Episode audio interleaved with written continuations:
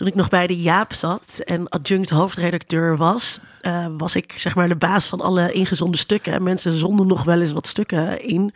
En echt iedereen op zijn zolderkamertje waant zich Bas Heijnen. Ja.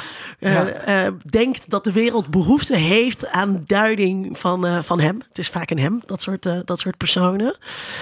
Um, ja, duiden, daar gaan we het over hebben. Met Bas, Bas Heijnen. de Bas Heijnen. Ja. Precies. Wat, ik, heb er, ik heb er heel veel zin in. En Bas Heijnen heeft natuurlijk ook die status gekregen. Dat hij de status van Bas Heijnen? Nou ja, de, de status van... We gaan kijken wat we er echt van vinden... nadat we hebben gelezen wat Bas Heijnen daarover heeft geschreven. Over hoe...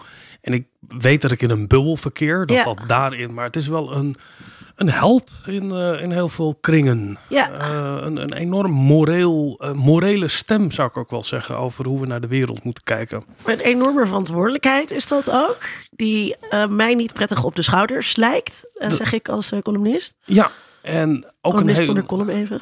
Ja, en we gaan het natuurlijk ook, ook hebben over, tenminste daar ben ik benieuwd naar, over twijfel en nuance daarin. En waarom je eigenlijk, wat het belang is van duiding. Let's go. Deze podcast wordt mede mogelijk gemaakt door Code Clear. Duidelijk over websites en design. Vanuit Amsterdam is dit Onder Media Doctoren, de podcast waarin communicatiewetenschappers zich verwonderen over de media. Beste luisteraar, vandaag gaan we het hebben over het belang van duiding. We doen dat met wellicht de meest gelauwerde essayist en columnist van Nederland, Bas Heijnen.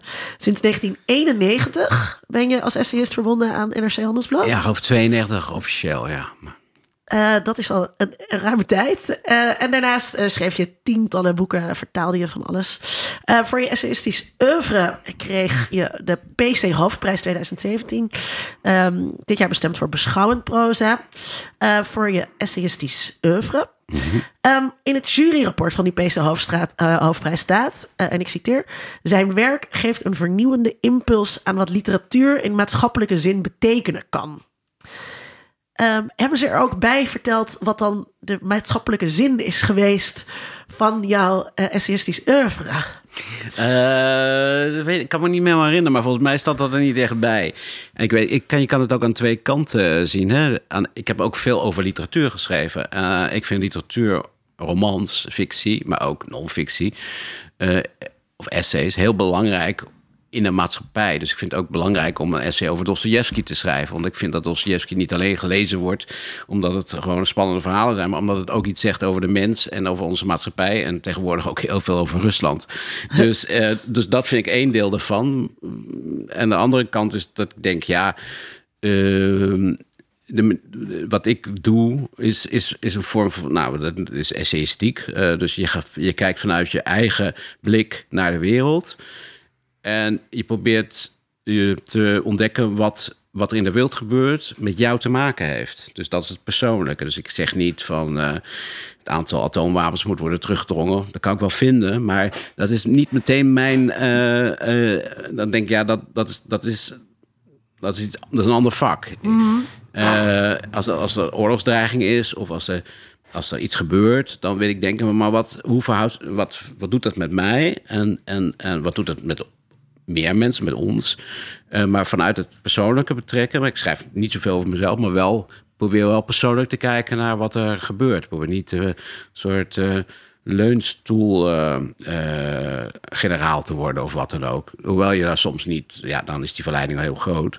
Maar dat is niet mijn uitgangspunt in ieder geval. Ja. Dus, en dat is, zou misschien zijn wat ze in dat rapport bedoelden. Dat je probeert vanuit toch een oog, een literair oog, uh, ik heb vroeger fictie geschreven, te kijken naar uh, menselijk gedrag, wat er gebeurt, waarom dingen gebeuren. Als iedereen helemaal bizurk gaat vanwege een boerkaverbod, dan denk ik, ja, maar waarom maakt iedereen zich zo druk over die boerka? Dat interesseert me meer dan, uh, dan zelf stelling nemen, zeg maar. Ja. Want voor of tegen de boerka, dat is... Ja. Wat, wat, uh, wat je tot perfecte gast voor ons maakt, want dat is toch wel denk ik ook wat, wat duiden is. Um, zoals altijd aan mij zijn mijn vaste mede-media mijn vaste mede dokter Dr. Vincent Kronen. Vincent, waarom heb jij eigenlijk geen column? Ja, dat is op zich al een hele interessante vraag natuurlijk. Iedereen moet een column uh, hebben. Um, wat ik een van de redenen waarom ik geen column heb, is dat een column, de kracht van een column is ook dat het met een, met een bepaalde regelmaat verschijnt. Je moet dat dan wekelijks, eh, zoals jij dat doet. Nee, ik doe het niet meer wekelijks. Hè? Oh, Ik ben eh, gestopt in eh, 2018. Dus eh, ik schrijf wel regelmatig, maar niet meer een column. Dus, Oh, eh, ik dacht dat in nee, nee, was dat ah, nog is wel heerlijk. hè, eh, dat je eh, hoeft eigenlijk niks te doen en mensen denken dat je gewoon doorschrijft. Maar nee, ik schrijf geen columns meer. Eh, en dat was best een beslissing. In, maar zoals jij, Linda, je hebt dat eh, jarenlang gedaan en doet dat Ja, nog 18 steeds. jaar, om, ja. een, ja, om een coherente, afgeronde gedachte te hebben op, op, op een wekelijkse basis, dat, dat vind ik een enorme prestatie om dat te kunnen leveren. Dus een van de redenen waarom ik geen column heb, eh, ik heb wel eens iets gedaan voor eh, het Universiteitsblad van eh, Utrecht. Ehm, is ja, dat ik een moeite vond om elke week ook echt een afgeronde gedachte te hebben en dat in 400 woorden te kunnen samenvatten. Ik denk dat dat ook alleen kan werken als je daar ook investeert en dat blijft doen en dat een onderdeel wordt van je, Ja, van, nou, je dat leven. is ook, is ook zo. dat? Maar dat is ook de reden waarom ik ermee gestopt ben. Dat je, ja, ik, ik nam het heel serieus. Dus ik wilde elke keer echt iets, iets zeggen. Weet je, of dat nou allemaal gelukt is, maar dat was in ieder geval de intentie.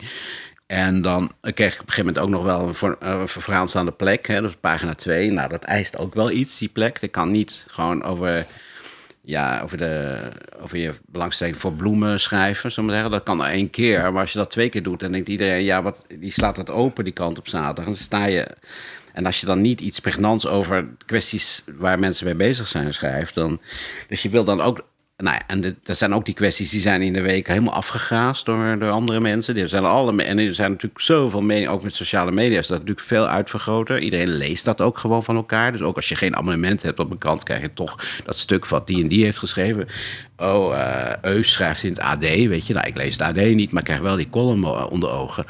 Nou, dus dat is een enorme wildgroei. En dan moet je nog... Nou, dat is wel inspannend, ja. En ja, ik nam dat wel heel serieus. Dus ik, vond, ik was er echt toch wel dagen mee bezig. In mijn hoofd althans. En onrustig en stress. En, ehm, en daarna ook van, van, is het wel goed, weet je wel. En daarna kreeg je natuurlijk allemaal reacties. En, en dan dacht je, hè, had je twee dagen zo'n vrij hoofd. En dan begon het woensdag, ik schreef het dan vrijdag, begon woensdag eigenlijk alweer. Dat je denkt, ja, maar heb ik eigenlijk wel wat? Eh, en, nou, dan moest je maar, en dan moest je weer gaan en dan begon de stress weer. Dat waren die cycli. En op vrijdag was je altijd uitgeput gewoon. Ja, dan was je echt zo moe. Stond je, schreef hem op vrijdag? ja, want er is vrijdagochtend. dus- ja. Schreef het in de ochtend. Dan stond je daarna, was er altijd wel een borrel. Dan stond je dan voorkomen uitgetreden met een glas in je hand. En, en pas de volgende dag kwam je hoofd weer een beetje klaarder op. Dat, dat, ja, zo werkt Ja. dat bij mij. Ik ben gewoon doodmoe naar zoiets. Het was ook altijd op zondagochtend. eh kwam je column dan volgens mij online. Eh, eh, De en laatste dan- jaar, ja. ja. Ja, dan was er heel Twitter ook. Hè, eh, hoe, heeft, hoe, heeft hoe heeft Heine de week eh gedaan? Of hoe, heeft hij, kijkt hij nu zo? Dus dan wordt ook de last op je schouders wordt dan dus ja, dat was ook best wel groot. Ja. Ja. En eh, dat was best wel een leuk fenomeen. Want dat, dat het column op een gegeven moment Twitter-fenomeen werd... kwam door Ernst-Jan Fout, die later een correspondent heeft opgericht... Ehm, maar die werkte toen bij NRC en Media, even bij de internetredactie. En dat was voor, nou, internet bij NRC, dat was toen zoiets, weet je, af en toe. Ik weet het nog. Na, Ja. na Ja. drie dagen kwam er eens een nieuw bericht op. Zo, dat was zo, dat, zo, ja, daar was nou niemand heel actief mee bezig. En Ernst Jan was natuurlijk van die generatie van wie dat eigenlijk gewoon het, eh, de, de natuurlijke omgeving was. En die had een ve- allemaal mensen naar zich toe getrokken. Maar toen, de krant was toen heel erg in die discussie van... ja, moet je content gratis weggeven of niet? Eerst was alles gratis. Toen opeens van, nee, we doen het niet meer. En die column die is goed gelezen, dus dat doen we niet meer. Dus die kwam eigenlijk niet meer op de homepage. En Ernst Jan die heeft toen op zijn 24ste, dat kan ik nu wel zeggen... die had, heeft dat gewoon stiekem gedaan. Eh, waardoor dat eigenlijk via niet zozeer via de homepage, want daar stond hij niet op, maar via een soort sluiproute via Twitter kwam dus heel Ja, kwam mijn eigenlijk, eh, ja. Ja. En dat is eigenlijk een lezerspubliek buiten eh, de normale NRC-lezer. Ehm, en, en dat heeft me toch wel eh, een nieuw publiek opgeleverd. Dus eh, ik ben hem al heel dankbaar. Want als het gewoon meteen achter die betaalmuur was gekomen, was het misschien toch anders gelopen. Maar nu krijg je inderdaad zo'n Twitter-zondag. en natuurlijk ook het geklaag. Oh, gaan we zeker allemaal weer over Bas Heijn en dit en dat. Maar goed, ja, dat hoort er allemaal bij. Dus, Maar hou je het bij? Hoe, erg, nou, hoe het ontvangen ja, wordt? Weet je, ik, het is niet zo dat ik het niet bijhoud, want je wil altijd. Ik, kijk, als je gevoelig bent in je onderwerpen op wat er gebeurt in de wereld, dan hoort zo'n, al is het miniem, de reacties op een column zegt ook iets. Dus je Hm. bent altijd toch wel benieuwd. Alleen, ja, je moet het ook wel leren relativeren natuurlijk. En zeker tegenwoordig. En, en ja, weet je, het is ook, hangt ook van stemmingen af, weet je wel. Als mensen genoeg van je hebben of zo. En het is natuurlijk ook wel zo, nu met die pandemie... Wordt er, ja, mensen zijn, reageren nu veel, veel feller, weet je wel. Dus ook, maar dat heeft niks met jou te maken, het heeft met die pandemie te maken. En uh, dat hetzelfde met ingezonde brieven. Als er iets in het land gebeurde wat heel uh, ontregelend was, bijvoorbeeld vluchtelingencrisis, kreeg ik gewoon veel agressievere brieven. En dat had dus niet zozeer met mij te maken, maar wel met. Uh, maar goed, daar leer je allemaal mee leven en dat hoort er allemaal bij. dus dat kan je wel relativeren. Maar mm, dat, het is niet zo dat ik het niet volg of zo. Nee, nee. Maar goed, ik ben er dus ook wel bewust mee gestopt toen op een gegeven moment. Ehm, in in 2018. En van de NRC wilde het eigenlijk niet, de toenmalige hoofdredacteur. Maar ik was gewoon, ik was er klaar mee en uh, het kostte me heel veel moeite om het nog te doen. Uh, En nu schrijf ik wat, toch wat bredere, langere, meer essayistische stukken, eens in de zoveel tijd. En af en toe wat kleine stukken, soms columnachtige stukken. Maar gewoon als ik echt iets wil vertellen, en die komt dan toch online te staan. Maar niet inderdaad die verplichting van iedere week. Uh, ofwel iedere week een stuk, maar dan, ik heb nu een rubriek dat is waar. In die zin heb je gelijk. Ik heb nog wel een soort van column, eens in de twee weken, maar vanuit Parijs geschreven. En dat is inderdaad een column. Dus, uh, maar dat noem ik in mijn hoofd al geen column. Want die schrijf ik ook veel makkelijker, omdat ik niet die stress heb van die pagina 2. En dat ik denk. Uh, en ik, het bracht ook gewoon niet meer op om en ik weer vier jaar over Mark Rutte te schrijven. Ja, weet je, dat leven is al niet heel lang. Dus dat breng ik gewoon niet meer op. En, mensen zien je toch wel gewoon als, uh, als columnist. Um, deze aflevering heet het, het Belang van Duiding. Is dat een woord dat je zelf gebruikt?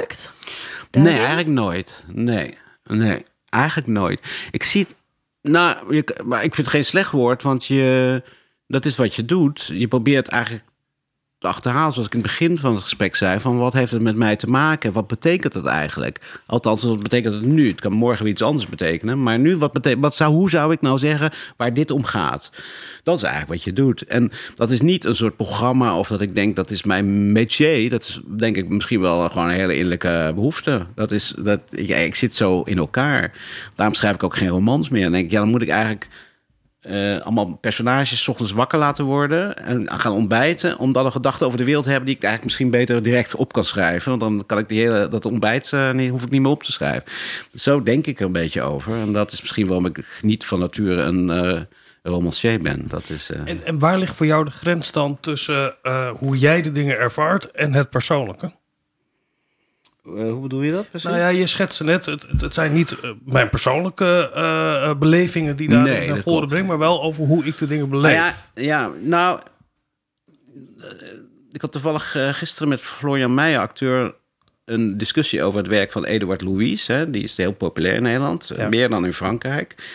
En dat is natuurlijk radicaal persoonlijk. Hè? Dus dan, dan is het echt radicaal jouw eigen ervaringen in de maatschappelijke context zetten en, en laten zien hoe die maatschappij jou bepaalt. En hij doet dat in zijn, op zijn toneeldingen uh, ook heel radicaal, omdat hij. En, uh, en, en we zijn allebei homo. of gay, of, wat je, of ja, hoe moet je het tegenwoordig zeggen? maar ik heb een hele andere. Hij heeft echt wel het gevoel dat hij dat hij iets moet bevechten in de maatschappij. En dat hij er ook echt, terwijl hij echt, echt stukken jonger is dan ik. En dat, ik, vond, ik vind dat gesprek altijd heel leuk met hem. Uh, over van waar zit dan bij jou de pijn? Of weet je, als je het over geweld hebt of over systemen. Uh, ik, ik herken dat allemaal wel, maar ik, ik betrek dat niet per se op mezelf. Dus ik schrijf niet vanuit die persoonlijke ervaringen. Ik schrijf wel over deze zaken, maar niet met mijn lichaam, zoals je tegenwoordig zegt, uh, als inzet of zo. Ja. Dat, eh, dat, uh, dat, dat, dat, dat, doe ik eigenlijk niet. Is dat denk je ook een, een generatieverschil? dat je, Deels wel, denk ik. Want het ja. is. en dat is de positieve en negatieve, denk ik. Positief is dat dat dat hele discours natuurlijk uh, opgekomen is. Dat heeft ook met een vergaande individualisering te maken, wat mij betreft. Dat mensen steeds meer uh, ja, hun eigen leven mogen maken. Ja, als je zegt, ik mag mijn eigen leven maken. Ja, dat zeggen ze wel. Maar uh, vervolgens word ik, niet, tel ik niet mee of word ik niet gezien. Of word ik gediscrimineerd. Of zijn er allerlei tekenen dat ik helemaal niet mijn eigen leven mag maken. Hè? Ik vat het maar even grof samen. Dus dan is jouw individu... Dan is het persoonlijke politiek. En dat, dat snap ik ook wel.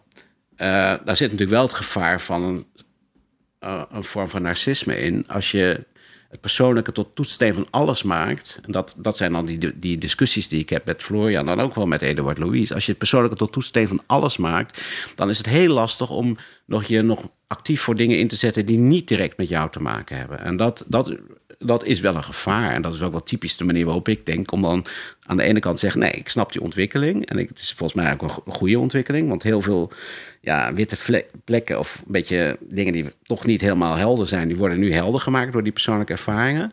Aan de andere kant ja, zie ik ook wel vaak dat mensen zo in hun eigen uh, uh, ik zijn gaan geloven. En het recht van het ik. Dat, dat, dat je eigenlijk denkt, ja, maar je, nu kan je het eigenlijk niet meer je zegt wel dat het maatschappelijk is, maar het is heel beperkt. En uh, nou ja, dat is zo'n zo'n discussie. Maar wordt de, zie je dan ook dat de duiding, waar we uh, dat woord dan maar gebruiken, ook particulier wordt? Nou, dat is wel een gevaar. Ja. Aan de ene kant is het natuurlijk, ja, dat is, uh, het, het, is een, het is, het, het, geeft natuurlijk nieuwe gezichtspunten als je vanuit een ervaring van, laten we zeggen, van als je bij minderheid behoort en je hebt allemaal mensen die die allemaal de beste bedoelingen hebben en overal uh, hun handtekening onderzetten, want wij zijn allemaal uh, feminist of we zijn allemaal uh, antiracist. En vervolgens krijg je ervaringen te horen. En dat zie je ook diversiteit op redacties, die enorm is toegenomen.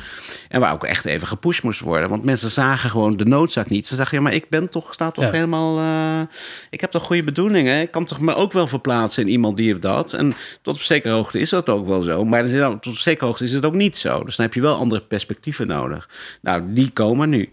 En natuurlijk heb je het gevaar dat die perspectieven ook weer heel erg, uh, laten we zeggen, uh, uh, beperkend werken. Als dat, als, ik, heb ook het liefst als het over diversiteit gaat, dat mensen het over alles hebben. Als ze uit een, een, laten we zeggen, niet geziene groep komen of een minderheid komen, dat als ze dan een seat at the table hebben, dat ze juist over alles uh, en, en dat geldt dus voor mij als minderheid ook. Dat je over alles. Uh, ik ga niet alleen maar over queer studies. Ik zie boek staan in de kast uh, schrijven of zo. Snap je wat ik bedoel? Ja.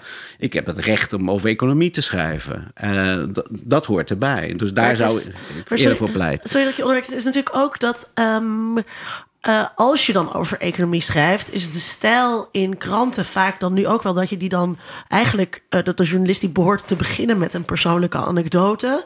Ik deed ook iets economisch, moest een huis kopen. Oh ja, ja. dus dat alles altijd uh, eerst naar het persoonlijke wordt getrokken, nog los van een soort subjectpositie die een perspectief zou bepalen, dat het ook de, de persoonlijke ervaringen altijd meegenomen moeten worden in dat soort stukken. Ja, dat is wel. En dat, en dat heeft eigenlijk meer te maken met uh, ja, die verpersoonlijking van alles, ook de politiek. Hè? Dat zijn de klachten over verruwing in de Kamer. En denk ik, ja, omdat het allemaal persoonlijk is geworden. Het is niet meer meneer de minister, het is, het is Wopke Hoekstra, weet je. En op zich kan je dat ook begrijpen. En niet alleen Wopke Hoekstra, het is Wopke. Wopke, ja. ja of uh, heks, uh, Kaag, weet je. En de, alles is persoonlijk geworden. En wat je terecht zegt, het is ook de bedoeling dat je dus vanuit een anekdote begint. En soms is het ook gewoon bordkarton allemaal, weet je. Dan zijn maar dat is bijna om de aandacht te trekken. En nou, ik, zit, ik heb er nog niet over geschreven, maar het is wel zo'n onderwerp. Ik denk, wat is, als alles persoonlijk is, wat is dan eigenlijk een roddel nog? Vroeg ik me af. Want ja, roddel was vroeger zoiets, weet je. Je had gewoon de zaak, zoals wij hier hebben.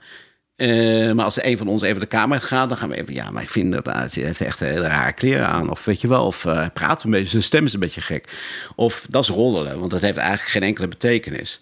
Maar tegenwoordig, ik lees, ik lees recensies van boeken... en dat gaat dan echt best wel over persoonlijke drama's allemaal. Maar dan denk ik, maar ehm, wat is eigenlijk voor mij waarom moet ik nu eigenlijk dat boek lezen over deze gruwelijke ervaringen? Over echt een behoorlijk kutleven van iemand. Ehm, maar wat is nou eigenlijk, is het niet gewoon een soort emo-porno dan eigenlijk?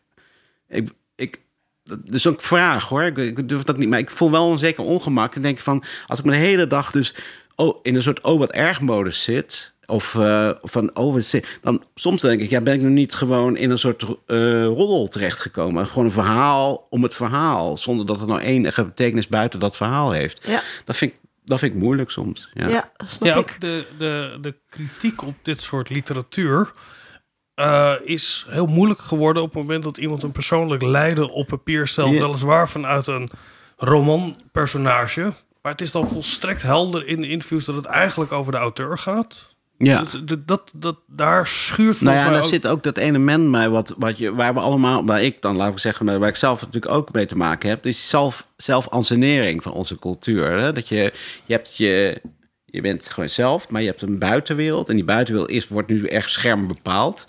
Dus als ik een foto van mezelf zet, dan zoek ik wel even op van eh, of ik er wel goed uitzie. Of eh, ah, weet je, als, het, eh, als ik een goede kritiek heb, dan geef ik een link naar die goede kritiek. Als ik een of andere baggerkritiek heb, denk ik, nou, die link laten we zitten. Weet je, er zijn mensen die dat wel heel eerlijk doen, maar zo, ben ik, zo eerlijk ben ik helemaal niet. Dus je bent bezig toch, of je nou jezelf bescheiden vindt of niet, je bent toch bezig jezelf te anseneren. En ik had laatst een anekdote van een journalist, een vriend eh, van mij, die werkte voor een krant. Die had tijdens de pandemie had hij in een, eh, laten we zeggen, minder eh, wel, welgestelde buurt, in een flatgebouw, ge- mensen geïnterviewd van hoe zij de pandemie hadden doorstaan. Want die mensen zijn toch opgesloten in kleine huizen, dit en dat, nou ja, enzovoort. Om eens eventjes een ander gezichtspunt. En hij kreeg dus een van zijn een meisje wat hij geïnterviewd had, woedend aan de telefoon daarnaast. Om- Woedend, en, maar niet omdat ze verkeerd geciteerd was, maar omdat vanwege de foto die erbij stond. Omdat ze op Instagram heeft ze, zag ze er echt, Ja. nou ja, echt fantastisch. Kim Kardashian 2.0. Ja. Maar op die foto was gewoon een nieuwsfotograaf. Die had er, ja, dat is toch een beetje onderkin. Ja, en, en daar gaat het nu veel meer. Maar daar zijn we allemaal onderdeel van, die zelfansenering. En dat maakt, laat maar zeggen, dat vind ik wel een soort. Het wringt een beetje met een soort oprecht. Eh, je, je, innerlijke ik tonen, waar, waar we dan, wat we dan beweren dat we doen. En tegelijkertijd zitten we in die, in die meer, eh, s- in die, ja, toch een beetje jezelf mooier maken. En dan bepaalde kanten die dan bij het thema passen heel erg beschrijven. Terwijl dingen die misschien ook wel interessant zijn of wat minder vlijend voor jezelf, die laat je dan weg. Dus ik geloof niet in die... Je die dan weer kunt gaan gebruiken om een enorm lijden of een stoornis. Ja, of ja maar dan is, wordt het toch ook weer eh, een vrij ijdel. En eh, dat is...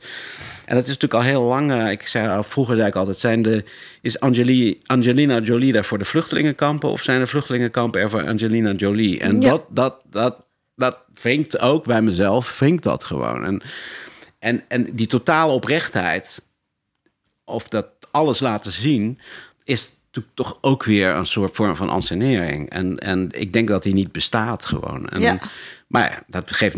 Er zijn natuurlijk wel mensen die het, die het wel kunnen. En die het ook. Ja, ik, vroeger las ik die eh, dagboeken van Hans Warre wel eens. Nee, niet echt helemaal. Daar las ik wel eens in. Ja, die man die niet echt alles zien. Weet je, dat was zelf gewoon. Dat je denkt, nou, hij zet zichzelf echt volledig te kijken. Ja, ik zou dat al niet kunnen. Dus dan, daardoor denk ik ook dat ik niet zo persoonlijk ben. Omdat ik denk van ja, dat wordt toch.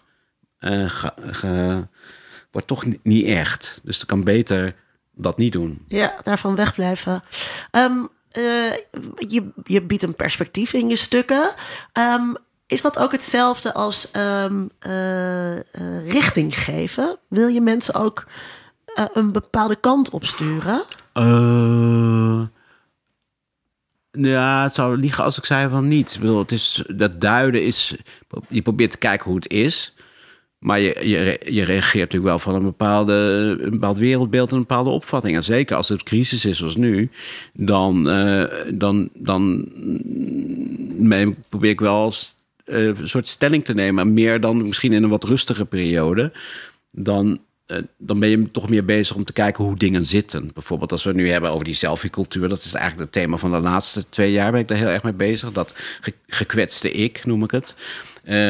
Van dat ik wat eigenlijk alles beloofd is, maar toch eigenlijk niet krijgt wat, hij, wat hem beloofd is. En dat, daar, daar komen spanning uit voor op allerlei gebieden.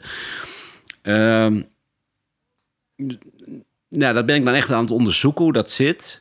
Maar op een gegeven moment komen daar wel een bepaalde. eh, dus ik begin niet met een stellingname, maar ik eindig soms wel met een stellingname. Snap je wat ik bedoel? Ik werk eigenlijk tot toe, denk ik, van. Als we het nu hebben over die selfie. Ik zeg niet, ik ben tegen de selfie-cultuur. Want ja, daar, ga ik, daar wordt echt geen selfie minder voor genomen. Weet je? Zeker dus dat niet, helpt nee. niet. Terwijl ik denk, ja, ik denk, zeg altijd maar, dat is ook een beetje mijn kop-out. Als ik zeg van ja, mensen zeggen, ja, geeft geen oplossingen. Dan zeg ik nee, maar bewustzijnsverandering is een, is een oplossing. Eh, als wij zien, als we het net over diversiteit, vroeger dachten mensen van, eh, ja, ja, ben ik voor. En vervolgens keek je, daar werd er niks aan gedaan. Nu komen mensen daar niet meer mee weg. Dus mensen kijken anders, denken anders. En, en daar ben je een onderdeel van, volgens mij. Als je schrijft, eh, gebeurt dat A in je eigen hoofd, omdat je dingen ziet en probeert te duiden. En aan de andere kant eh, zie je ook dat mensen anders gaan kijken eh, door misschien een flart van wat jij schrijft en dan nog zes andere stemmen, gaan ze toch een blik veranderen. En, en als je zegt, als je zegt van wat wil je of wat wil je bewerkstelligen of zo, dan is dat eigenlijk toch wel de. eh, dat is wel wat je wil. Ja. Het is niet dat mensen denken, nou leuk. En dan Maar- vervolgens eh, nooit meer over nadenken. Ik wil daar zo nog wat anders over vragen, maar, eh, maar of nog wat meer over doorpraten over die bewustwording of, of bewustzijnsverandering. Ehm, eh, als je, ja, komt zo'n eh, positionering ook ten, komt dat tot stand tijdens het schrijven of heb je dat van tevoren al bedacht? Dat je, dat je zei, vaak aan het einde komt er toch wel een beetje iets die kant op. Gaat dat automatisch in het, in, de, in het schrijven, in het afronden van het stuk? Nee, eh, ja, het is een gek proces, maar ja, iedereen die schrijft, dan zit hier aan tafel, die zal hetzelfde denk ik wel hebben. Bij so- sommige mensen anders werkt. Eh, nee, ik, eh, vaak eh, ben je eigenlijk met iets al heel anders bezig en denk je, goh, maar als dit zo is, waarom is dan niet dat zo? En dan, en denk je, ja, maar hoe verhoudt zich dan tot op elkaar? En dan denk ik, oh, dan moet ik vasthouden. Vervolgens maak ik geen aantekeningen, vergeet ik het weer. Maar dan komt het wel weer terug op een vorm. En denk ik, oh ja, daar had ik laatst al aan gedacht, weet je wel. En dan is het goed, waar ik nu, ik zit nu heel veel in Parijs, dat je soms, dan loop je toch en denk je, nou, ik heb toch wel een goed idee gehad. Want het zit, het zit niet zo, het zit zo. Ehm, nou, en dan, dat, is eigenlijk het uitgangspunt. En op een gegeven moment heb je toch wel een, deadline, heb ik wel nodig. Zo iemand die zegt, wanneer komt je stuk? En dan zeg ik, ja, en dan kun je uitleggen waar het over gaat. En dan is het echt verschrikkelijk, want dat kan ik dan niet. En dan denk ik, eigenlijk is het helemaal niks. Kutvraag ja, het is eigenlijk helemaal niks. Wat wil je dan eigenlijk En dan, betogen? en, dan zeg, en dan zeg je wat en het klinkt dan heel onmachtig en heel on- on- onhelder. En dan zeggen ze, ja, ja, nou, ja, we, nou, het is dat je pas heilig bent. Eh, stuur een stuk op als je het hebt, weet je wel. En ik wil ook wel, zeker bij een redactie, en ik schrijf natuurlijk heel veel voor de krant, eh, dat, dat, dat, ik heb ook, ze moeten ook gewoon zeggen als, als ze het niks vinden, want je bent toch een beetje zoekende ook, weet je wel. En, eh, en, en als je dat weet, geeft dat ook genoeg zelfvertrouwen. En dan is het eigenlijk meestal ook wel oké. Dus, maar dat heb je wel nodig. En dan eh, heb ik gewoon een deadline nodig. En dan s'avonds denk ik, ja, het is dit, maar het is ook dat. Dan denk ik, dan ga maar slapen. En de volgende ochtend ben je veel helderder. En dan om negen uur ga je gewoon beginnen. En dan begin je met iets. En dat trekt eigenlijk dit hele stuk, komt daar eigenlijk uit voort. En dan eh, doe ik altijd met harde muziek op mijn hoofd. Echt? En dan, eh, dan, ga, dan ga ik toch gewoon in zo'n stuk zitten. En dan komt, ja, dan komt het wel. Maar dan, het is deels bewust en deels eh, eh, ja, niet onbewust, want dat zou gek zijn wat je denkt. Maar dat denken krijgt wel een soort diepere laag, omdat je toch met die muziek zit en aan moet. En, en, en dan denk je, oh ja, maar het gaat niet daarover, het gaat hierover. En dan schrijf je het af, denk ik zo. Ehm, Ja. Maar dan ben je dus ook gevloerd daarna. Maar het heeft een heel onbewu- het heeft een diepe onbewustzijn en, en daar eh, energie en die moet je aanboren of zo. En wat doet die energie dan? Of eh, die muziek dan? Die stuurt Ja, die energie stuwend. op. Die is Ja. En het is altijd ritmische muziek. En het is altijd, eh, ik, noem, ik heb zo'n playlist, Trash for Writing. en ehm, daar staan al die nummers, wat zijn meestal werknummers, noem ik het dan. En als je Ja. het 300 keer op repeat, weet je wel, van de weekend, dan word je echt helemaal... eh, ja, dan kan je het niet meer horen. Dan is het ook, dan werkt het niet meer. En dan denk je, ja, nee, eh, ik heb het nu, Blinding Lights, dat hebben we nu wel gehoord. Ja, Maar dat kan je eindeloos op repeat luisteren. ja, maar je hebt dan wel eh, van die werknummers. En, en, en dat brengt je... Had vroeger de stofzuiger bij Vestdijk. Zette de stofzuiger aan. Je moet even een soort afgekoppeld. Maar je moet dus niet muziek hebben waar je naar luistert. En het moet gewoon die ritmische muziek zijn. En daardoor denk ik, dat dwingt jou bijvoorbeeld... Ik denk, ik, je hebt veel essayisten of columnisten... die beginnen eigenlijk met zo'n hele trage linia... omdat ze eigenlijk nog bezig zijn zichzelf in het stuk te schrijven. En ik vind altijd, en dat komt er ook door die ritmuziek... je moet meteen in zo'n zin eh pap erin zitten. En, dan, dan, en daarna ga je het uitwerken, zeg Het maar. klinkt een beetje als sportschoolmuziek. Dat je Ja, even, nou, dat eh, heeft het ook wel. ja. Het is ook, Body pump. en soms heb ik ook wel, ja, dat, nou, ik wil niet, eh, ik wil het niet magischer maken dan het is, maar soms word ik wakker en denk, nou ja, wat was het ook alweer gisteren en in dat. Denk ik, ja, maar ik kan straks muziek opzetten. En dan zet ik de muziek op en denk, ik, ah, maar dat was het. Weet je, dat, dat doet toch wel iets met je. Ja. Maar het je, je beschrijft een proces waarin je ook eh, jezelf betwijfelt en bevraagt en, en inzichten. Ehm, ik kan me voorstellen dat er een relatie is tussen de urgentie van een onderwerp, bijvoorbeeld de selfie-cultuur, wat, wat, waarin je de nuance ook wil zoeken en wil begrijpen vanuit empathie. En er zijn onderwerpen uh, waar we nu middenin zitten, die Ja, een enorme urgentie hebben. Die gaan letterlijk over leven en dood. Ja. Hoe maakt dat jouw rol als essayist ook anders? Je bedoelt zo'n crisis? Ja. Ja, ja nee, nou, ik denk wel dat je... Dat zullen sommige mensen hebben... eh, we gaan het even niet over de zeven vinkjes hebben. Nu. Nee. Dat is wel weg, ja. Ja, Dat, dus eh, dat komt wel weer een andere keer, weet je wel. En dat onderwerp is er nog wel. over zelf en Want- cultuur gesproken. Ja, nou, mijn, ja. mijn onderwerp ook. Ik, ben, ik wil dat wel een essay, maar ik- daar heb ik ook nog wel een jaar voor uitgetrokken. Mm, Maar daar ga ik nu niet... eh, eh, dat, heeft ook, dat wil ook niemand lezen, maar ik wil het misschien ook niet eens schrijven op dit moment. Ik Dus dacht dat- vandaag nog hoe fijn het is dat ik nu geen columns schrijf. Dat ik, ik zou nu helemaal niet weten, want ik heb niks te zeggen over Oekraïne. Ja, ja. En dat ik heel blij ben dat ik dan niet nu ergens een stomme column tussendoor moet schrijven over squirten of zo. Ja, Ja. of over dat je... Ja, of- nee, als je dan een ander onderwerp moet. Ja, nee, dat, Ja. dat- ik denk dat heel veel mensen dat ervaren. Nou ja, nu. ik hoor net dat Pornhub uit Rusland eh, zich terugtrekt. Dus ja, dan heb je al... eh, daar- ik denk dat nu de, Ah, overwinning, ik, de, nu is de overwinning wel van het Westen ideologisch wel compleet, denk Shit, ik. dan gaan mijn hersenen toch aan. Ja, toch zie je, maar, ja. ehm, ehm, ja, maar ik schrijf natuurlijk wel over die eh, over thema's, eh, meer politieke thema's. En wat ik eigenlijk ook wel eh, de, de, de ideologische strijd vind die al gaande is, waar populisme een, een- is een lood aan die stam. Het gaat over, je hebt het verlichtingsdenken, het idee van gelijkheid, gelijkwaardigheid. Ehm, het idee van vooruitgang, het idee van progressiviteit. En je hebt een hele sterke reactie. En die is eigenlijk al 20, 25 jaar bezig. Want die is al veel langer bezig. Maar die is opgeleefd door het populisme. En daar zijn thema's als eh, traditie, geschiedenis, identiteit. eh, eh, eh, ja, ge- gemeenschap, maar in een nauwe zin van het woord. Holistisch idee van een samenleving. En daar is Poetin bijvoorbeeld de, het symbool van geworden. Of hij het nou allemaal meent of niet. Eh, en of hij het niet gewoon gebruikt. Maar hij heeft daar. En Orbán roept precies hetzelfde. Dus het zijn machtspolitici die. eh, en dan hoef je niet de geschiedenis van Rusland van de laatste 400 jaar. Maar zijn ideologie heeft. Ik heb die Dugin geïnterviewd. Dat is dan zo'n zijn ideoloog. Nou, dat, die man maakt zichzelf wel iets belangrijker, denk ik, dan die is. Maar dat hele wereldbeeld van die man gaat helemaal terug op. eh, eh, een holistische beeld van de samenleving, waar de ziel van een volk in wordt gelegd en waarin minderheden misschien getolereerd zullen worden. Zo zegt hij het ook. Maar tegen andere mensen zegt hij natuurlijk dat ze helemaal niet getolereerd worden, dat ze zelfs geëxtermineerd worden. Eh, en dat, laten we zeggen, in, je hebt natuurlijk allerlei milde vormen daarvan, eh, minder extremistische vormen. Maar dat is wel wat wij de laatste twintig jaar ook in ons land aan stromingen hebben. Kijk naar een vorm van democratie. En die, dat is nu helemaal uitgebeend tot, tot deze ideologie. En dat is dan weer wel mijn onderwerp, weet je. En dan ga ik niet Maar zeggen voel je dan over... ook de noodzaak om als essayist bijvoorbeeld hier eh, je harder over uit te spreken, gezien de situatie waarin we nu zitten, Ja. bijvoorbeeld richting Forum voor Democratie of, of Ja, denk ik wel, ja. Thierry Baudet die met die doek en eh, gezellig eh, babbelt. Denk ik eh, wel. En eerlijk gezegd heb ik ook nog wel zoiets. Kijk, die mensen zijn, hebben natuurlijk zoveel eh, ruimte gekregen de afgelopen jaren in talkshows. En er is zo weinig kritisch. ge- want Als je, eh, als je Geert Wilders als interview hebt, dan gaat het over zijn katten hebben. Nou, ik heb niks tegen katten, maar dat doe je. Dat is eigenlijk zo'n.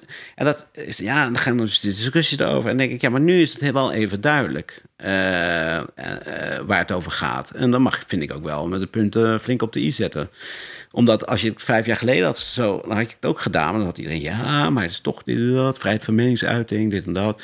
Ehm, dus je moet ook het moment kiezen. Zo Ja. ben ik ook nou wel. Je moet ook weten wanneer denk je van... oké, maar nu, eh, nu, kan je die, eh, nu valt die appel wel van de boom. Als je schudt, weet je. En dat, eh, ja, dat- zo, zo zit ik ook in elkaar. Dus ik, ik, ben, ja, ik ben niet alleen maar...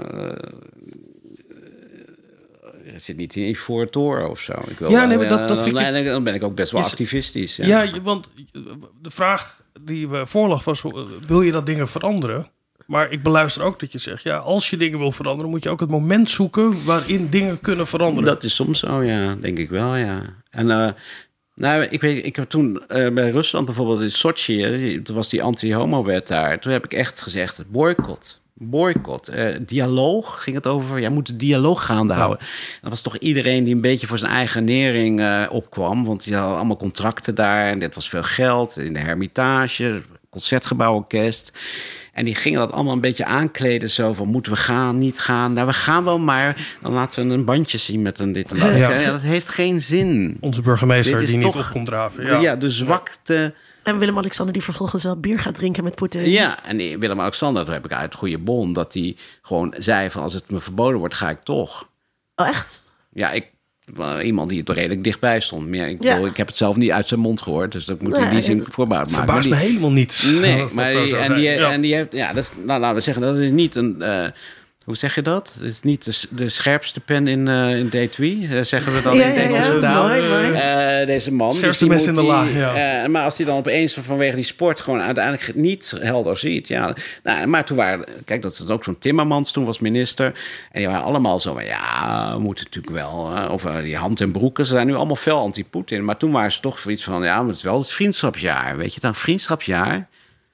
Eh, dus laten we zeggen dat, dat toen was het, toen heb ik het ook geschreven. Toen werd het toch een beetje gedaan van, nou ja, oh, nou, ik vind hij nou heel goed als hij genuanceerd is. Maar nu is hij toch activistisch, weet je Ja. wel. En eh, nou, dat ben ik niet van u gewend. Jammer, zeggen ze dan altijd. Mensen die dan het een keer niet met je eens zeggen altijd, jammer. Ja. Eh, Ben je vaak ook in één keer warrig geworden? Oh ja, ja precies. Ja. Ja. Ja, of zo van, is, al, is al een hele tijd minder. Weet je wel. Eh, maar ja, dat, nee, dat, nou goed, dan zeg ik het ook wel. Maar dan krijg ik minder eh, respons dan... eh, nou, misschien nu, dat zegt iedereen het. Maar oké, dat is dan maar zo, weet je. Dan. En, en ik ga ook niet zeggen van toen zei ik het. Nou, dat heb ik nu net wel gezegd, maar toen zei ik het ook al. Weet je. Toen luisterde niemand. Is het, is het mogelijk om ehm, eh, met, met essays en columns en dit soort stukken ook daadwerkelijk een bewustzijnsverandering eh teweeg te brengen? Ja, kijk, ik denk als je daar niet in gelooft, dan zou je het ook niet doen, denk ik. Ik denk, je kunt heel bescheiden zijn en zeggen van... eh, nou, ik geloof niet dat ik met mijn stukjes de wereld zal veranderen. Nou, dat, kl- dat klopt ook. In die zin, ja, je moet niet denken... hey, Poetin hou je niet tegen. En, en als ik in een andere eeuw was geboren, had ik Hitler ook niet tegengehouden. Als het Thomas Mann niet lukt, lukt het mij ook niet, zullen we Ja. zeggen. Dus daar, in die zin ben ik eh, wel degelijk eh, relativerend over het belang van wat je kunt doen. Dus sommige dingen gebeuren gewoon, die groeien gewoon en, en die, dan, dan kun je tegenwicht. Maar nogmaals, dat zie je steeds. Als mensen het niet willen zien, zien ze het ook niet. Over die, voor die pandemie, niet door mij, maar er waren natuurlijk waren genoeg waarschuwingen Ja. over hoe dit kon. Die, eh, eh, hoe heet het zo? eh, het Zoonose. overspringen, zoonose, van, Ja. eh, het overspringen van ziektes op, van dier op mens. Daar waren, zijn echt goede boeken over geschreven. Die werden allemaal heel snel herdrukt toen die pandemie begon. Maar ja, toen die boeken verschenen, dacht iedereen, eh, what's next? De Partij voor de Dieren had nog een heel mooi campagnefilmpje daarover. Die Oké, groot ja, ja. eh. Nou ja, er zijn heel veel waarschuwingen geweest. Maar ja, als je, en over Poetin zijn er ook heel veel, heel veel goede boeken over geschreven. Van Ja. hij wil dit. En stond er letterlijk. En die, ja, ook die worden allemaal, liggen nu in de winkels vol. Maar dat is natuurlijk eigenlijk te laat. Dus in die zin geloof ik, ja, is dat betrekkelijk. Kan je het wel, kan je het nog goed zien. En nog, eh, maar het effect daarvan, als mensen gewoon met iets anders bezig zijn of er echt niet aan toe zijn, dan zal het niet lukken. Dus in die zin, aan de andere kant denk ik, dat is natuurlijk wel, als je ziet wat er in de maatschappij allemaal veranderd is de afgelopen eh 10, 20 jaar. En niet alles te goede, maar ook wel heel veel wel te goede. Eh, op basis van, nou, dat is jullie eh, vak, weet je wel. Wat er in op cultuur, over diversiteit, over eh, ja, op alle gebieden, seksualiteit. Is natuurlijk toch heel veel eh, veranderd en verschoven, wordt anders gekeken. Kijk naar MeToo. eh dat heeft, kan je zeggen, ja, dat is deels eh, eh, van voorbijgaande aard. Maar ik denk dat daaronder echt wel wat, wat dingen verschoven zijn. Dus ik denk dat dat, dat, dat wel effect heeft, ja.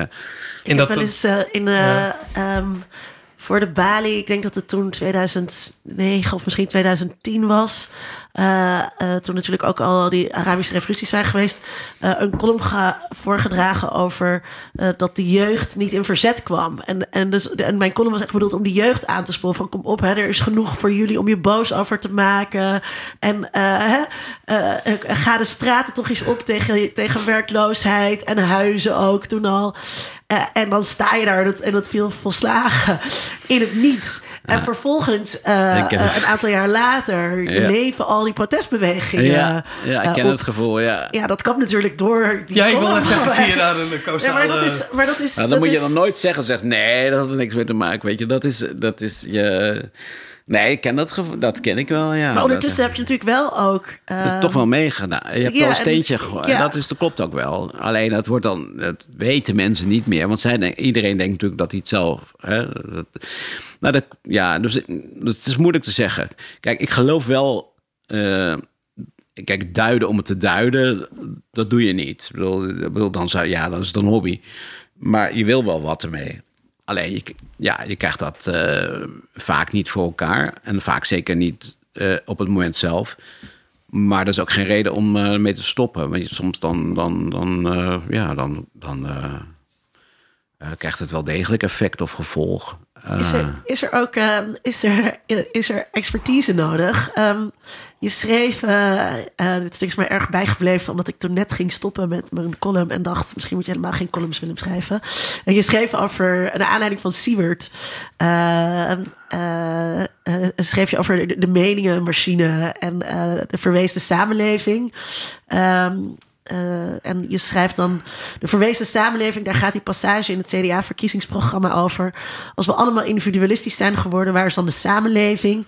Wat zijn we elkaar verplicht? Waar is de publieke zaak gebleven? We zijn iets kwijtgeraakt. Hoe krijgen we het terug? Dat zijn wel de obsessies van, eh, van, het CDA, maar ook van heel veel andere mensen. Ja, ja. En dan weet ik eigenlijk niet waarom ik dit bij Siewert heb gezet.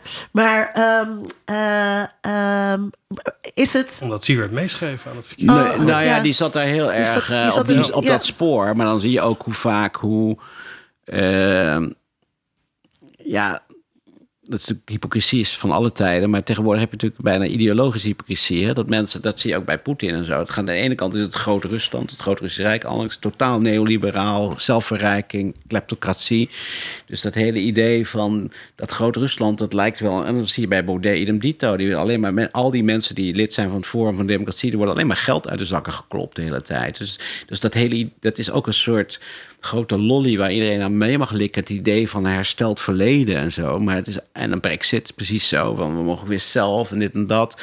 En vervolgens al die offshore... eh, en iedere politicus die zit er met allerlei eh, rekeningen op offshore. eh, weet je? En... en eh, dus dat, er is met die, dat behoefte aan gemeenschap. Ik denk dat mensen dat hebben. Hoe, hoe, hoe kom je uit een bepaalde vorm van individualisme is een groot goed. Maar het is niet helemaal genoeg jezelf zijn. Want je wil zelf zijn met anderen die op jou lijken. Nou, dan kan je een beetje de. de dat is meer de, de, de bepaalde bewegingen die je ziet. En ook progressieve bewegingen. Maar je wil ook zelf zijn soms in, de, in je buurt. Of weet je, anders, en iedere politicus die op die knop drukt, die. Eh, begint de SP, doet dat nu ook opeens. Van je ziet je buurt veranderen. Nou, dat zei Paul Scheffer 25 jaar geleden ongeveer. Dus we zijn wat later mee. Dus het werkt ook niet meer. Maar ja, dat zijn wel emoties die bij iedereen op wat voor manier, of je nou links of rechts bent, die leven wel. Van hoe moet ik als individu me eigenlijk verhouden tot mijn medemensen. En ja, de, gemeenschappelijke eh, publieke zaak of de. En ik zeg wel, rechts eh, verlangt naar gemeenschap en links eh, verlangt naar herstelde solidariteit. Ja, dus dat die, die, die klassen die zich eh, best wel rijk zijn, dat die nu, nou ja, ze gaat eigenlijk alles over, over gelijkheid. Van ja, ja, jij verdient heel makkelijk heel veel met je crypto of met je erfenissen. Maar eh, je moet mensen die hard werken, die moeten gewoon meer verdienen en daar moet jij voor bijdragen. Nou, en, en rechts heeft, of extreem rechts zeker, die heeft dat gevoel van. En het CDA was ook bezig met van de buurt. En, en alleen CDA, maar misschien wijd ik te veel uit, die heeft er echt een leugen van gemaakt. En dat zie je vaak. En dat, die VVD deed dat natuurlijk mee. Van weet je, als wij ons terugtrekken als overheid uit die samenleving, gaan jullie weer voor elkaar zorgen. En daar heb je dus eigenlijk dat hele neoliberale denken zo van de overheid gaat, niet, gaat zich niet met jou bemoeien. Zoek het zelf maar uit. Eigen verantwoordelijkheid. Je ze, mensen in hun kracht zetten, zoals de D66 eh, altijd zei. Maar dat, dan besparen wij heel veel geld mee. Want we sluiten die bibliotheken en die mantelzorg wordt afgebouwd en zo. En zo leuk, dan kan je buurvrouw weer boodschappen voor jou doen. Nou, dat is de herstel van gemeenschap. En De- dat Ja. is die leugen. Dat vind ik eigenlijk de... Participatiesamenleving. Ja, nou, dat participatiesamenleving is echt de, de, de original, de, de, de original sin van, eh, van deze politiek op dit moment. ja. Zie jij Ik, ook- had- ik- sorry Vincent, Sorry, ik dit is net politiek even, verhaal, maar- Ja, ik haalde net even twee dingen in mijn draaiboek door elkaar. Dus dan Ja, moet ik ook nog even, even corrigeren. Maar over die, ehm, wat, want deze ehm, ontleding, zeg maar, die je nu eh, geeft... en die je vaker geeft in, de, in, in je essays... ehm, is, is dat, biedt dat ook troost? aan mij? Help- helpt het? Aan mij? Nou, ja, dat was, mijn, dat was dan de vraag daarna. Eh, eh, is het voor de duider of voor de lezer? Maar helpt het om... ik denk dat het helpt. Helpt het jou, Vincent? Laat ik het aan jou vragen. Ja, helpt het om jou om te lezen over de verwezen samenleving... en die analyses te lezen en te denken... zo zit het en, dat, en daarmee is het een stukje minder erg. Nou, als ik denk aan jouw lezers, waar ik er één van ben, denk ik dat jouw columns en essays ook woorden geven aan mensen die in een verweesde samenleving Ja, leven. En de taal of, of, of het narratief vinden waar ze zich goed toe kunnen verhouden. Een bepaalde groep. En er zijn natuurlijk groepen die daar helemaal jou niet lezen of daar het helemaal niet willen lezen. Dus dat duiding eh, die je overal krijgt, en of dat nou in de NRC is of eh, je leest dat bij eh, on, eh, ongehoord nieuws, is dat dat ook heel erg sterk die troostwerking is van. Zo denk ik er ook over. Ik hoor dus ergens bij. Er is een lezersgroep, dus een groep in de samenleving die hier op deze manier naar kijkt. En dat biedt voor Ja. mij als lezer wel, Ja. wel troost. Dan biedt het jou troost als duider, als schrijver. Nou, niet, niet eh, want nou, je vroeg net of eh, ges- dat woord duider gebruiken dat. En dan zei ik nee. En dat is denk ik ehm, eh, ook wel zo dat je reacties zoals deze, dat je die. Eh, nou, dat is natuurlijk dat is wat eh, leuke reacties zijn er niet. Hè? Bedoel, als, eh, en natuurlijk weet je dat heel veel mensen ook denken: ik haat die. Dat zie je ook wel vaak. Die, die, het meest op, die hatelijke dingen. Maar, ehm, maar ik, ik, Ehm, maar dat is ook een temperamentkwestie. Maar ik denk ook wel, mijn manier van schrijven is altijd dat ik toch altijd. Ik wil het goed doen, ik wil echt iets goeds maken. Maar het wel echt voor. om zelf iets duidelijk te maken waarvan ik denk. Eh, Oké, dat kan de wereld in of zo. Van dit, dit, hier, hier kan ik achter staan en met heel veel twijfels en stress en weet ik veel wat. Maar ik, denk, maar ik ben dus eigenlijk ik kan eigenlijk heel moeilijk omgaan met reacties, we maar zeggen. Dat is eigenlijk, dat, dat is, want dat gaat voor mijn gevoel nooit over mij. Eh, maar zo, ja, dat is dus zo'n temperamentkwestie. Dus eh, En zit je er ook wel eens naast? Dat je ja, natuurlijk heb je wel. de twijfel bevestigd wordt. Nou, ik over Na bepaalde. En dan soms is het gewoon dat de feiten anders zijn dan jij dacht. Dat is vooral op dat niveau. Ik denk qua, qua als die stroming die ik net was, die diep, dieptestromingen. eh, of, of, het, of het geval van Rusland of zo. Dan moet ik toch wel eh, zo onbescheiden zijn dat, ik daar zeggen, ja. niet echt enorme misses heb gemaakt. Maar wel natuurlijk dat je soms denkt van... eh, ik heb iemand eh, dit in de schoenen geschoven... terwijl het blijkt eigenlijk anders te zitten of wat dan ook. Dus, in de dagelijkse gang, columnistengang van zaken heb je dat natuurlijk wel. Dus eh, dat, ja, dat zou gek zijn als het niet zo was. Maar, maar je, het is natuurlijk wel zo dat het is niet zo, zo dat je gelijk al eh, tien jaar lang hetzelfde blijft. Want je toetst eigenlijk steeds jouw proefondervindelijke eh, observaties, toets je steeds maar aan de veranderende werkelijkheid. Dus die verschuift ook wel heel erg. Ehm, dus het is ook niet zo dat je zegt van nou, ik heb het allemaal goed gezien twintig jaar geleden. Want dat kan niet, want het is helemaal een andere tijd. En dus de dingen betekenen ook iets anders. Die staan in een andere context. En daardoor verandert de betekenis van dingen. Dat wordt wel eens eh, vergeten. Maar context is ongelooflijk belangrijk. Wanneer je iets... eh, of Margaret Thatcher iets zei, of Lilian Marijnis... is toch, eh, je kan hetzelfde zeggen, maar heeft een heel andere betekenis. Ehm, dus dus je toetst ook wel. Dus het is zeker je eigen. Je bent eigenlijk voortdurend bezig je eigen ongelijk te erkennen. Niet in de zin van dat je grote fout hebt gemaakt, maar wel dat je bijstelt. Ja. Het is een mooi bruggetje naar waar ik net de verkeerde eh, afslag maakte. Want ik wou wat vragen over ehm, eh, eh, de, de rol van expertise. Ja. En wat Ja, ik toen dat was zei van. ja, ja. over. En dat ik dus toen ook dacht: oké, even, even een tijdje niet columnen. En, eh en Siewert. en Siewert kroop natuurlijk overal aan tafel om mee te praten over dingen waar hij geen verstand van had. Ehm, hoe, hoe belangrijk is het om. ehm, eh, eh, ja, hoe, hoe belangrijk is het om. Je moet je Rusland-expert zijn om iets te kunnen zeggen over eh, Rusland. Moet je. eh, nou, hè, dus je bent nu bezig met die selfie-cultuur. Eh, lees je dan ook in, in eh, mediawetenschappelijke artikelen daarover? Eh, nou, Van, vanuit, welke, vanuit welke positie eh, mag, mag je iets schrijven? Ja, nou, het is, een goeie, het is echt een goede vraag. Ehm, het is, denk ik, je. Essayistiek is niet vanuit expertise, maar vanuit eh, je eigen ervaring. Wat doet die wereld met je? Dus in die zin heb je altijd gelijk, want je beschrijft eigenlijk een persoonlijke. Maar eh, het is natuurlijk altijd het gevaar, volgens mij heb ik dat net al even aangestipt, dat je op een gegeven moment, als je het hebt over Rusland, hè, er gebeurt iets uh, en de wereld uh, is in paniek, echt verschrikkelijke dingen. En je moet er iets, je moet daar, dat doet heel veel met je. En dan ben je, uh, moet je kijken wat, wat je ervan vindt. Maar dat is dan nog iets anders dan als ik op een gegeven moment zeg van uh, Donbass moet prijsgegeven worden of moet verdedigd worden. Dat weet ik helemaal niet. En dat is expertise. En dat is natuurlijk altijd het gevaar dat je op die, toch op die stoel gaat zitten. Uh, van dat je op een gegeven moment uh, gaat, ja, op de kansel gaat en gaat zeggen hoe het zit. Op, op een gebied waar je niet in thuis bent. Dat is absoluut zo. En dan zeg je, en dan gebruik je verkeerde cijfers of wat je weer gesproken. Nou, dat is bij Siebert. gebeurd natuurlijk een paar keer. Uh, maar die verleiding heb je natuurlijk allemaal. Zeker in een praatcultuur, waar je dan op een gegeven moment. Uh, nou ja, dat zie je natuurlijk in de extreme vorm. Zie je dat van de, de wappies die eigenlijk alles van COVID wisten. en nu alles van Rusland weten. Maar laten we die wappies niet als zondebok nemen. Want zo iedereen is een beetje zo. En ik in een bito. Dus dat is wel het gevaar, ja.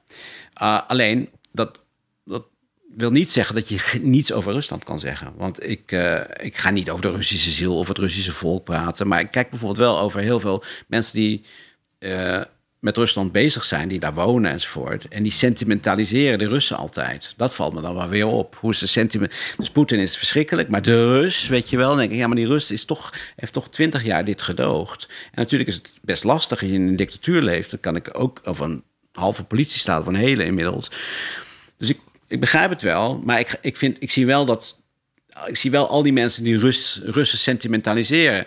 En dat is wel mijn gebied. Ja. Snap je wat ik bedoel? Ja. Uh, niet dat ik over de Russische ziel iets ga zeggen, maar ik zie wel hoe daarmee. Dat, ja, dat is duiden eigenlijk. Dat je denkt van goh, maar deze mensen die pleiten altijd het Russische volk uh, uh, vrij. Weet je? En dat is ook bijvoorbeeld bij links merk je dat men heeft altijd moeite om gewone mensen kwade motieven toe te schrijven. Want die zijn eigenlijk altijd sociale slachtoffers. Ja. Dat zie je altijd. Dus het is altijd, uh, en dat zie je bijvoorbeeld bij Eduard Louis ook. Als, als de gele hesjes antisemitische dingen roepen, is het toch omdat ze sociale slachtoffers zijn. En deels klopt dat ook nog wel. Maar is dat nou het hele verhaal? Uh, weet je, nou, er is een soort ook sentimentaliseren van een klasse waar je zelf niet bij behoort. Dat zie ik. En dan kan je nog wel een paar goede punten hebben. Maar het is ook dat je denkt, ja, je, dat, dat, dat is. Uh, dat klopt toch niet helemaal. Ja. En ja, dat is wel mijn terrein, snap je? Ja. En, dus je maakt observaties en, uh, uh, en zinnige en onderbouwde observaties. En die observa observaties zijn, die zijn, die zijn het voer voor het essay. Ja. En niet zozeer um, een analyse, een analyse vervolgens of inderdaad Nee, het heeft ook geen wetenschappelijke uh, pretentie natuurlijk ook. Maar het heeft ook geen wetenschappelijk stramien. En, en ook, niet, ook niet echt een ideologisch uh, stramien. Ik, het, ik wil toch niet een bril op hebben waardoor ik alles vanwege door diezelfde bril moet bekijken. Weet je wel? Dat je aan een discipline uh, iets verplicht bent. Of aan. En natuurlijk geeft dat wel gevaar. Hè? Dat zie ik ook wel. Dat je soms het wiel opnieuw uitvindt. Dat je denkt, ja, daar is, uh, zijn tegen studies over geschreven, die zeggen dat al. Dat klopt. Ja, Joris Leidijk. Ja, ja, ja. Andere mensen hadden dit ook al bedacht. Ja, nou ja, kijk, dan, dat vind ik... Ja, daar ga ik verder niet. Maar ik, ik vind, maar in het algemeen gesproken, dat het kost mij helemaal niks om, als je je in iets verdiept, om uh, mensen erkend te zijn, uh, omdat ze over dingen hebben nagedacht. Dat doe ik ook steeds. En dat leidt ook wel eens tot verbijt. Oh, die Heine verzint helemaal niks zelf. Die vat alleen maar de mening van de anderen samen of zo. Nee, nee, die, ik zie dat als voedsel. En probeer daar wel een eigen gedachte aan vast te koppelen. Maar ja, je, dat, dus, dus dus je leest die mensen wel, uh, maar, en dan vervolgens ga je er zelf mee door, uh, op doordenken. Dat, uh... Je zoekt een, een balans dus aan de ene kant, je, je, je leest je in in een bepaald onderwerp. Je, heb, je, heb je daar een, een, een procedure voor?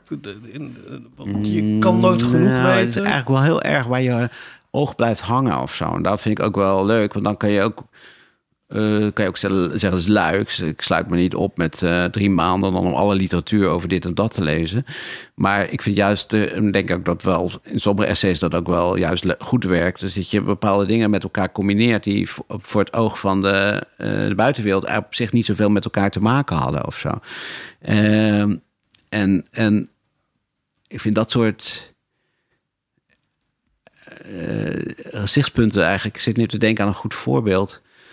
Maar dat je denkt van, oh ja, bijvoorbeeld, uh, ik had uh, denk anders twee jaar geleden een stuk over, cancel culture, maar gecombineerd met rating culture. Dus dat idee dat als je een pakje bezorgd dat je de pakbezorger een cijfer geeft. Maar ook als je aan de universiteit, dat jouw studenten jou ook een cijfer geven.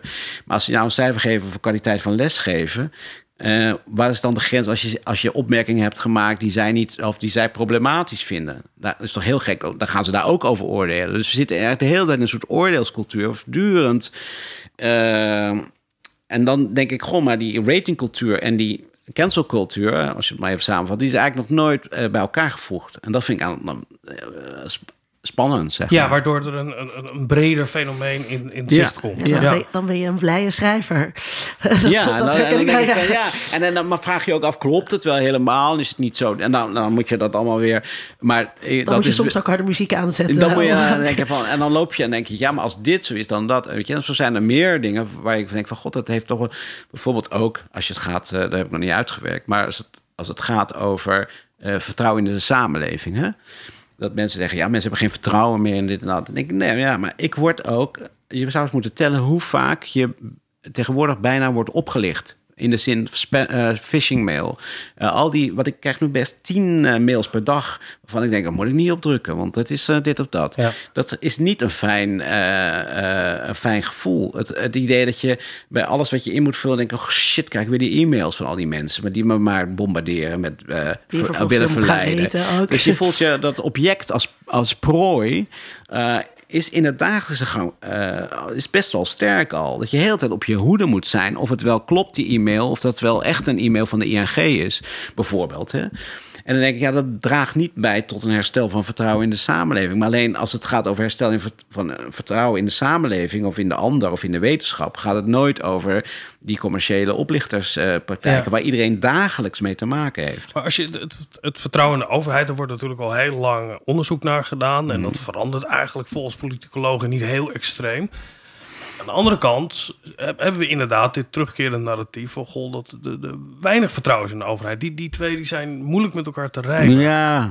Is, is dat, want vanuit als essayist kan ik me voorstellen dat die narratieven over de overheid die er zijn belangrijker zijn dan dat, nou ja, dat, dat systematisch uitgevoerde onderzoek wat eens in de zoveel jaar. Ja, maar ik denk ook wel, nou ja, dat zou je, het is goed om die onderzoeken tegen jezelf in te brengen als je dan geneigd bent om te zeggen, ja, maar, maar die cijfers die uh, kijk, je kan het Koninkhuis nemen. Er zijn eigenlijk die. Nu zakt het een beetje. Nou, dat zou ook wel wonder zijn als het dit vertrouwen ja. Koningshuis niet zakt. Maar heel lang bleef het altijd stabiel. Maar er zijn best wel dips geweest in, in vertrouwen. En dat is ook een soort seismograaf. En ik weet niet of, de, of die enquêtes dan zoveel blootleggen. Terwijl als je dan naar het debat kijkt, zie je meer. Alleen je moet inderdaad uitkijken dat je een klein miniem debat, bijvoorbeeld op Twitter, niet gaat zien voor een algemeen maatschappelijk debat. Ja. Dat zijn inmiddels wel uh, de lessen die mensen wel geleerd hebben, denk ik. We zitten met um, uh, een meningencircus.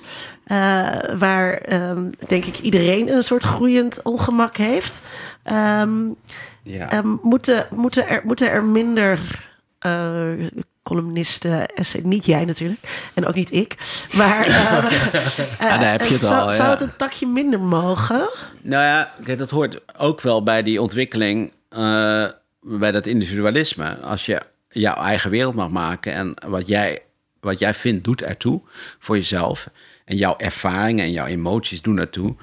Dan ben je ook wel geneigd om die te delen. Uh, en dan heb je ook, uh, en niet alleen in columns, maar ook in boeken. En dan krijg je ook het effect dat mensen allemaal boeken schrijven, maar niet meer lezen. Weet ja. je wel? dus iedereen is aan het zenden, maar om het ontvangen hebben we niet, niet zoveel zin meer in. Althans, heel veel mensen. Uh, niet te generaliseren. Um, maar ja, als mensen zeggen er zijn te veel meningen, dan zeg ik altijd ja, er zijn goede meningen, interessante meningen en, uh, en nonsens meningen. Dus uh, het is natuurlijk, als er een wildgroei aan nonsensmeningen ontstaat, dan komen die goede meningen misschien in het gedrang. Zo, dat zou kunnen. Uh, maar, en ik denk ook, ja, je zei net zelf al, als iemand een economisch stuk schrijft, dan begint hij met een persoonlijke anekdote. Dus dat zit wel diep. Dus dat is eigenlijk in die zin ook al column, columnachtig, dat mensen allemaal beginnen over zichzelf. Um, ja, ik zou, ik zou wel met minder uh, aan, toe kunnen. Uh, en ik denk dat iedereen dat misschien wel zegt, maar vervolgens toch over zichzelf wil gaan schrijven. En, dat is denk ik misschien wel het probleem. dat, uh, ik weet ook niet of al die stukken veel gelezen worden. Maar ja, het, dat, en dat bij journalisten, uh, door, door, ja, hoe moet je zeggen, doorsnee of echte journalisten, die klagen daarover. Want die zien eigenlijk alles steeds meer in plaats van feiten een mening worden. Uh, en deels ben ik het daarmee eens. Deels denk ik ook, ja, maar een feit moet geïnterpreteerd worden. Uh, en dan heb je een mening. Ja. Dat is nu eenmaal zo. Als je zegt, uh, uh, als je naar bepaalde feiten kijkt hoe, over politiek of over maatschappij, dan interpreteer je die op een bepaalde manier. En dan vervolgens neem je daar een houding toe aan. En daar zijn columnisten voor, of, of daar is debat voor. En zo, ik zie columnisten als deel van het debat. Dus het idee dat, dat, vind ik altijd heel naïef. Dat van, zeker van journalisten die zeggen, we gewoon een krant met feiten. Weet je, dan denk ik, ja, dan heb je dus geen krant. Ja. En dan heb je natuurlijk ook wel columnisten voor de sfeer. Dat is natuurlijk iets anders. Ik zei vroeger altijd van ja, en bier is in elk café hetzelfde, maar je gaat toch naar één café en niet naar het andere café.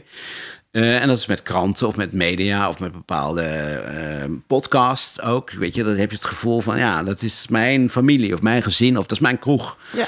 En, en dat is ook heel sterk. En daar hebben columnisten of gezichten van de krant of gezichten van bepaalde mediakanalen hebben daar gewoon een functie. Mooi. En dat, uh, dat, dat ja, hoort erbij. Ja. Het is goed ook in die zin. Ja, aan het einde van de aflevering. Of je nog, had je nog een vraag, Vincent? Ja, nee, ik, ik, ik zat te denken dat in, in de meningencircus wat mij opvalt... is dat er al soms geanticipeerd wordt op een mening die nog gegeven moet worden. Uh, dat Wat zien bedoel je? nou, dat zien we nu in Oekraïne rondom de vraag van vluchtelingen. Zag ik uh, op Twitter en, in berichten dat er al boos gereageerd wordt op mensen die vast gaan zeggen: uh, dit is niet de regio.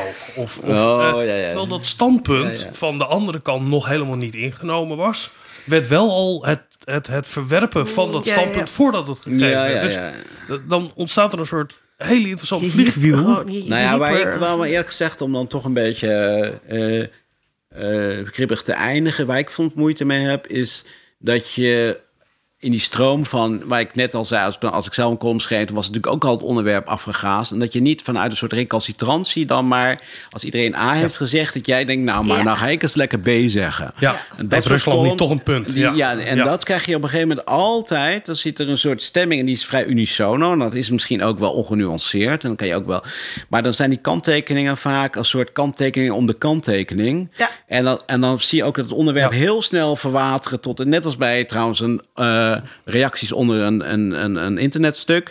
Uh, dat, dat, begint dan redelijk uh, on topic en dat wordt heel snel een soort burenruzie en strijd. En op een gegeven moment gaat er alleen maar over. Uh, nou, bijvoorbeeld over de Ruslandcrisis had trouwens een heel verkeerde kop over. Uh, van de twee kanten. Ja, ja, waar, Wie, wie stopt deze escalatie van twee kanten? Nou, is natuurlijk, ja, die man moet, of vrouw moet ontslagen worden. Maar ja, voor je het weet hebben we het daar de hele dag over. En hebben we het niet meer over die tragedie of die verschrikkelijke oorlog die daar begonnen is door Rusland, zeg ik er meteen bij.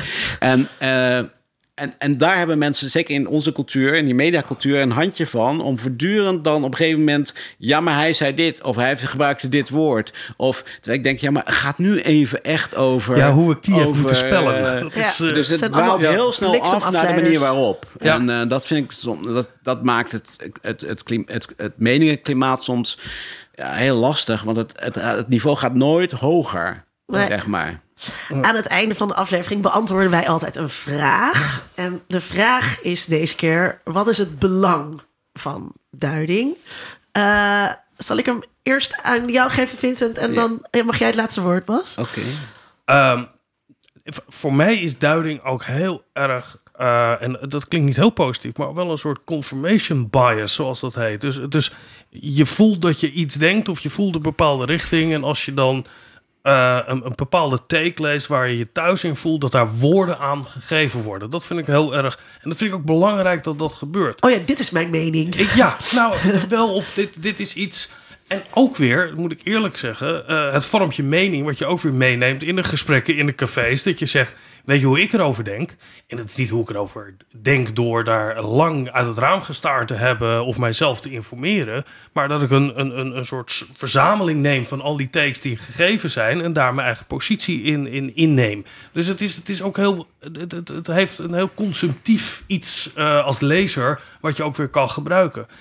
Uh, het, het, belang van, van, van duiding in de zin van dat er grote veranderingen kunnen bestaan. Ja, ik denk dat we mooie voorbeelden hebben gezien afgelopen jaren. Bas gaf al wat voorbeelden. Dat dat wel degelijk kan. En ook ik wel, als nou, bijvoorbeeld Zwarte Piet daar een naïeve positie in had. En door de opinies die eruit zijn gekomen ook verandering uh, kan komen. Dus mm. ik ben er hoopvoller over gestemd dan tien jaar geleden. Oké, oké. Okay, Was? Wat? Uh, nee, op het diepste, diepste niveau denk ik vanuit waarom ik dit al zo lang doe. En eigenlijk ook uh, met zoveel plezier en ook wel stress, zoals ik net zei. Mm. Is toch dat ik uh, het voor mij een manier is van contact uh, met de wereld houden.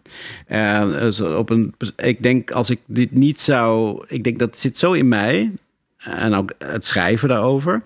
Dat als ik het niet zou doen, zou ik toch best wel in paniek raken of geïsoleerd raken. Of zou ik de hele dag in het casino hangen. Of uh, drank is niet een grote. hoewel, in Frankrijk is dat wel. maar. Uh, je schreef dat je in Frankrijk meer drinkt ja, dan in Nederland. ik wel drie keer zoveel in Frankrijk. Ik denk in Nederland bijna niks. Maar ja, dat, dat went snel, zeg maar zeggen. En daar is het natuurlijk wel. Maar ik denk ik heb dat wel nodig om een soort helderheid te hebben voor mijzelf. Maar ook wel om, om, om niet in een soort apathie of een soort uh, um, ja, verdoving weg te zakken. Dat, dat is echt wel iets in mijn karaktertemperament. Dus ik, ik moet me er altijd toch wel toe zetten, gek genoeg. Het is niet dat ik de hele dag maar duidend door uh, de straten loop. Maar ik heb wel het gevoel dat dit mijn houvast is. En dat als ik dan een keer iets geschreven heb waarvan ik denk dit wist ik zelf nog niet en dit is volgens mij echt een goed, dan, dan voel ik ook wel een vorm van beve existentiële bevestiging, kan dat niet anders zeggen. En dan en maar dat, dat is net als met uh, drugs en zo. Dan, dan op een gegeven moment uh, uh, dan is de invloed vaag, weg. en dan begint het weer opnieuw. Heb je de dinsdagdip en dan vrijdag... En, en, en, en, misschien is het ook wel waar daar horen dat ik nooit een boek van 400 pagina's heb geschreven. Dat zijn toch altijd korte baan, ligt mij goed. Maar dat heeft daarmee te maken, denk ik. En um, ja, ik denk dat, zover je jezelf kan begrijpen, zie ik dit wel als een patroon, weet je. En ik denk, als ik jarenlang aan één zo'n boek zou moeten werken, dat ik dan ook een soort... ik moet toch dat contact met die wereld steeds zoeken. Ja, zo is het nou eenmaal. En dat gaat ook denk ik niet meer veranderen. Dat, uh, en, uh, dat, uh, ik hoop dat nog wel een tijdje te doen. Ik hoop dat ook, wij ook. Dat je, ja, ik hoop ja. zeker dat je dat nog een tijdje doet. En um, uh, mij weet je ook altijd weer te verrassen. En dat uh, is. Nou ja, je doet, het, je doet het al een tijdje. Dus, Best heel lang, ja. Dat, ja. dus er zit nog genoeg in het vat. ook. Ja, want ik ook. Weet je, ik heb toch wel. Een, dat is wel waar. Als je iets heel lang doet, dan heb je ook de neiging, bij sommigen zie je dat wel, om dan te gaan zitten, nou, ik weet hoe het zit en dit en dat. Terwijl als ik iets zie wat ik denk van, hé, hey, uh, dit past eigenlijk helemaal niet in het voorafgaande. Hoe zit dit nou? Of waar komt dit vandaan? Bijvoorbeeld de woke-beweging, weet je wel. Of ik denk niet dat er één beweging is, maar als fenomeen. En de reacties daarop. Waar komt dit vandaan? Weet je, dan denk ik, ah, nou, nou, nou daar gaan we het nu niet over hebben. Maar daar heb ik best wel een verhaal over. Uh, inmiddels. Maar in het begin denk ik, uh, hoe zit dit? Hoe, hoe, verhoudt zich dat tot mijn uh, gedachten? En, ja. en dat, dat, als je dan denkt van, nou ja, ik weet niet waar ze mee bezig zijn, maar ik heb een leuke tuin, een volkstuin, en daar ga ik elke week zitten. En de rest, maar dat, zo zit ik niet in elkaar. Dus, nee. uh, ben je eigenlijk beter geworden? Nou, ik schrijf wel beter, ja. Ja, ja hoop ik dan. Maar ik, ik heb wel het gevoel dat de technisch altijd nog wel, dat ik nog wel stapjes maak. Dat ik ook wel denk, oh, dan heb ik iets snel geschreven. En denk, nou, uh, dan lees ik het over en denk zo. Uh, dit zinnen zijn best strak in het, zitten best strak in het vel. Ja. En dat is eigenlijk wat ik leuk vind. Als, het, als een soort zinnen onder spanning staat of zo. Dat het, maar dat kost je nu minder moeite? Of dat komt, het komt eerder dan... Nou, dat is wel een soort techniek die we is ingedaald, ja. ja. En, eh, en, en dus dan soms dan gaat hij wel vanzelf. Dan lees ik terug, denk ik, nou zo, scherp proza of zo, weet je wel. Eh, maar je moet wel teruglezen. Ja. En ook wel vaak met columns of essays dat ik te veel woorden gebruik. En dan moet ik ook met een soort scheermes. En dat doet eigenlijk altijd goed. Strak, less is more in dit geval. Ben ik echt van overtuigd. Dat is veel leuker om, om iets dat de lezer het zelf verder moet invullen... dan dat je het allemaal met woorden al dichtplakt. En, zo. en dat, vind, dat vind ik nog steeds heel leuk, ja. ja. Nice, nice. Super bedankt.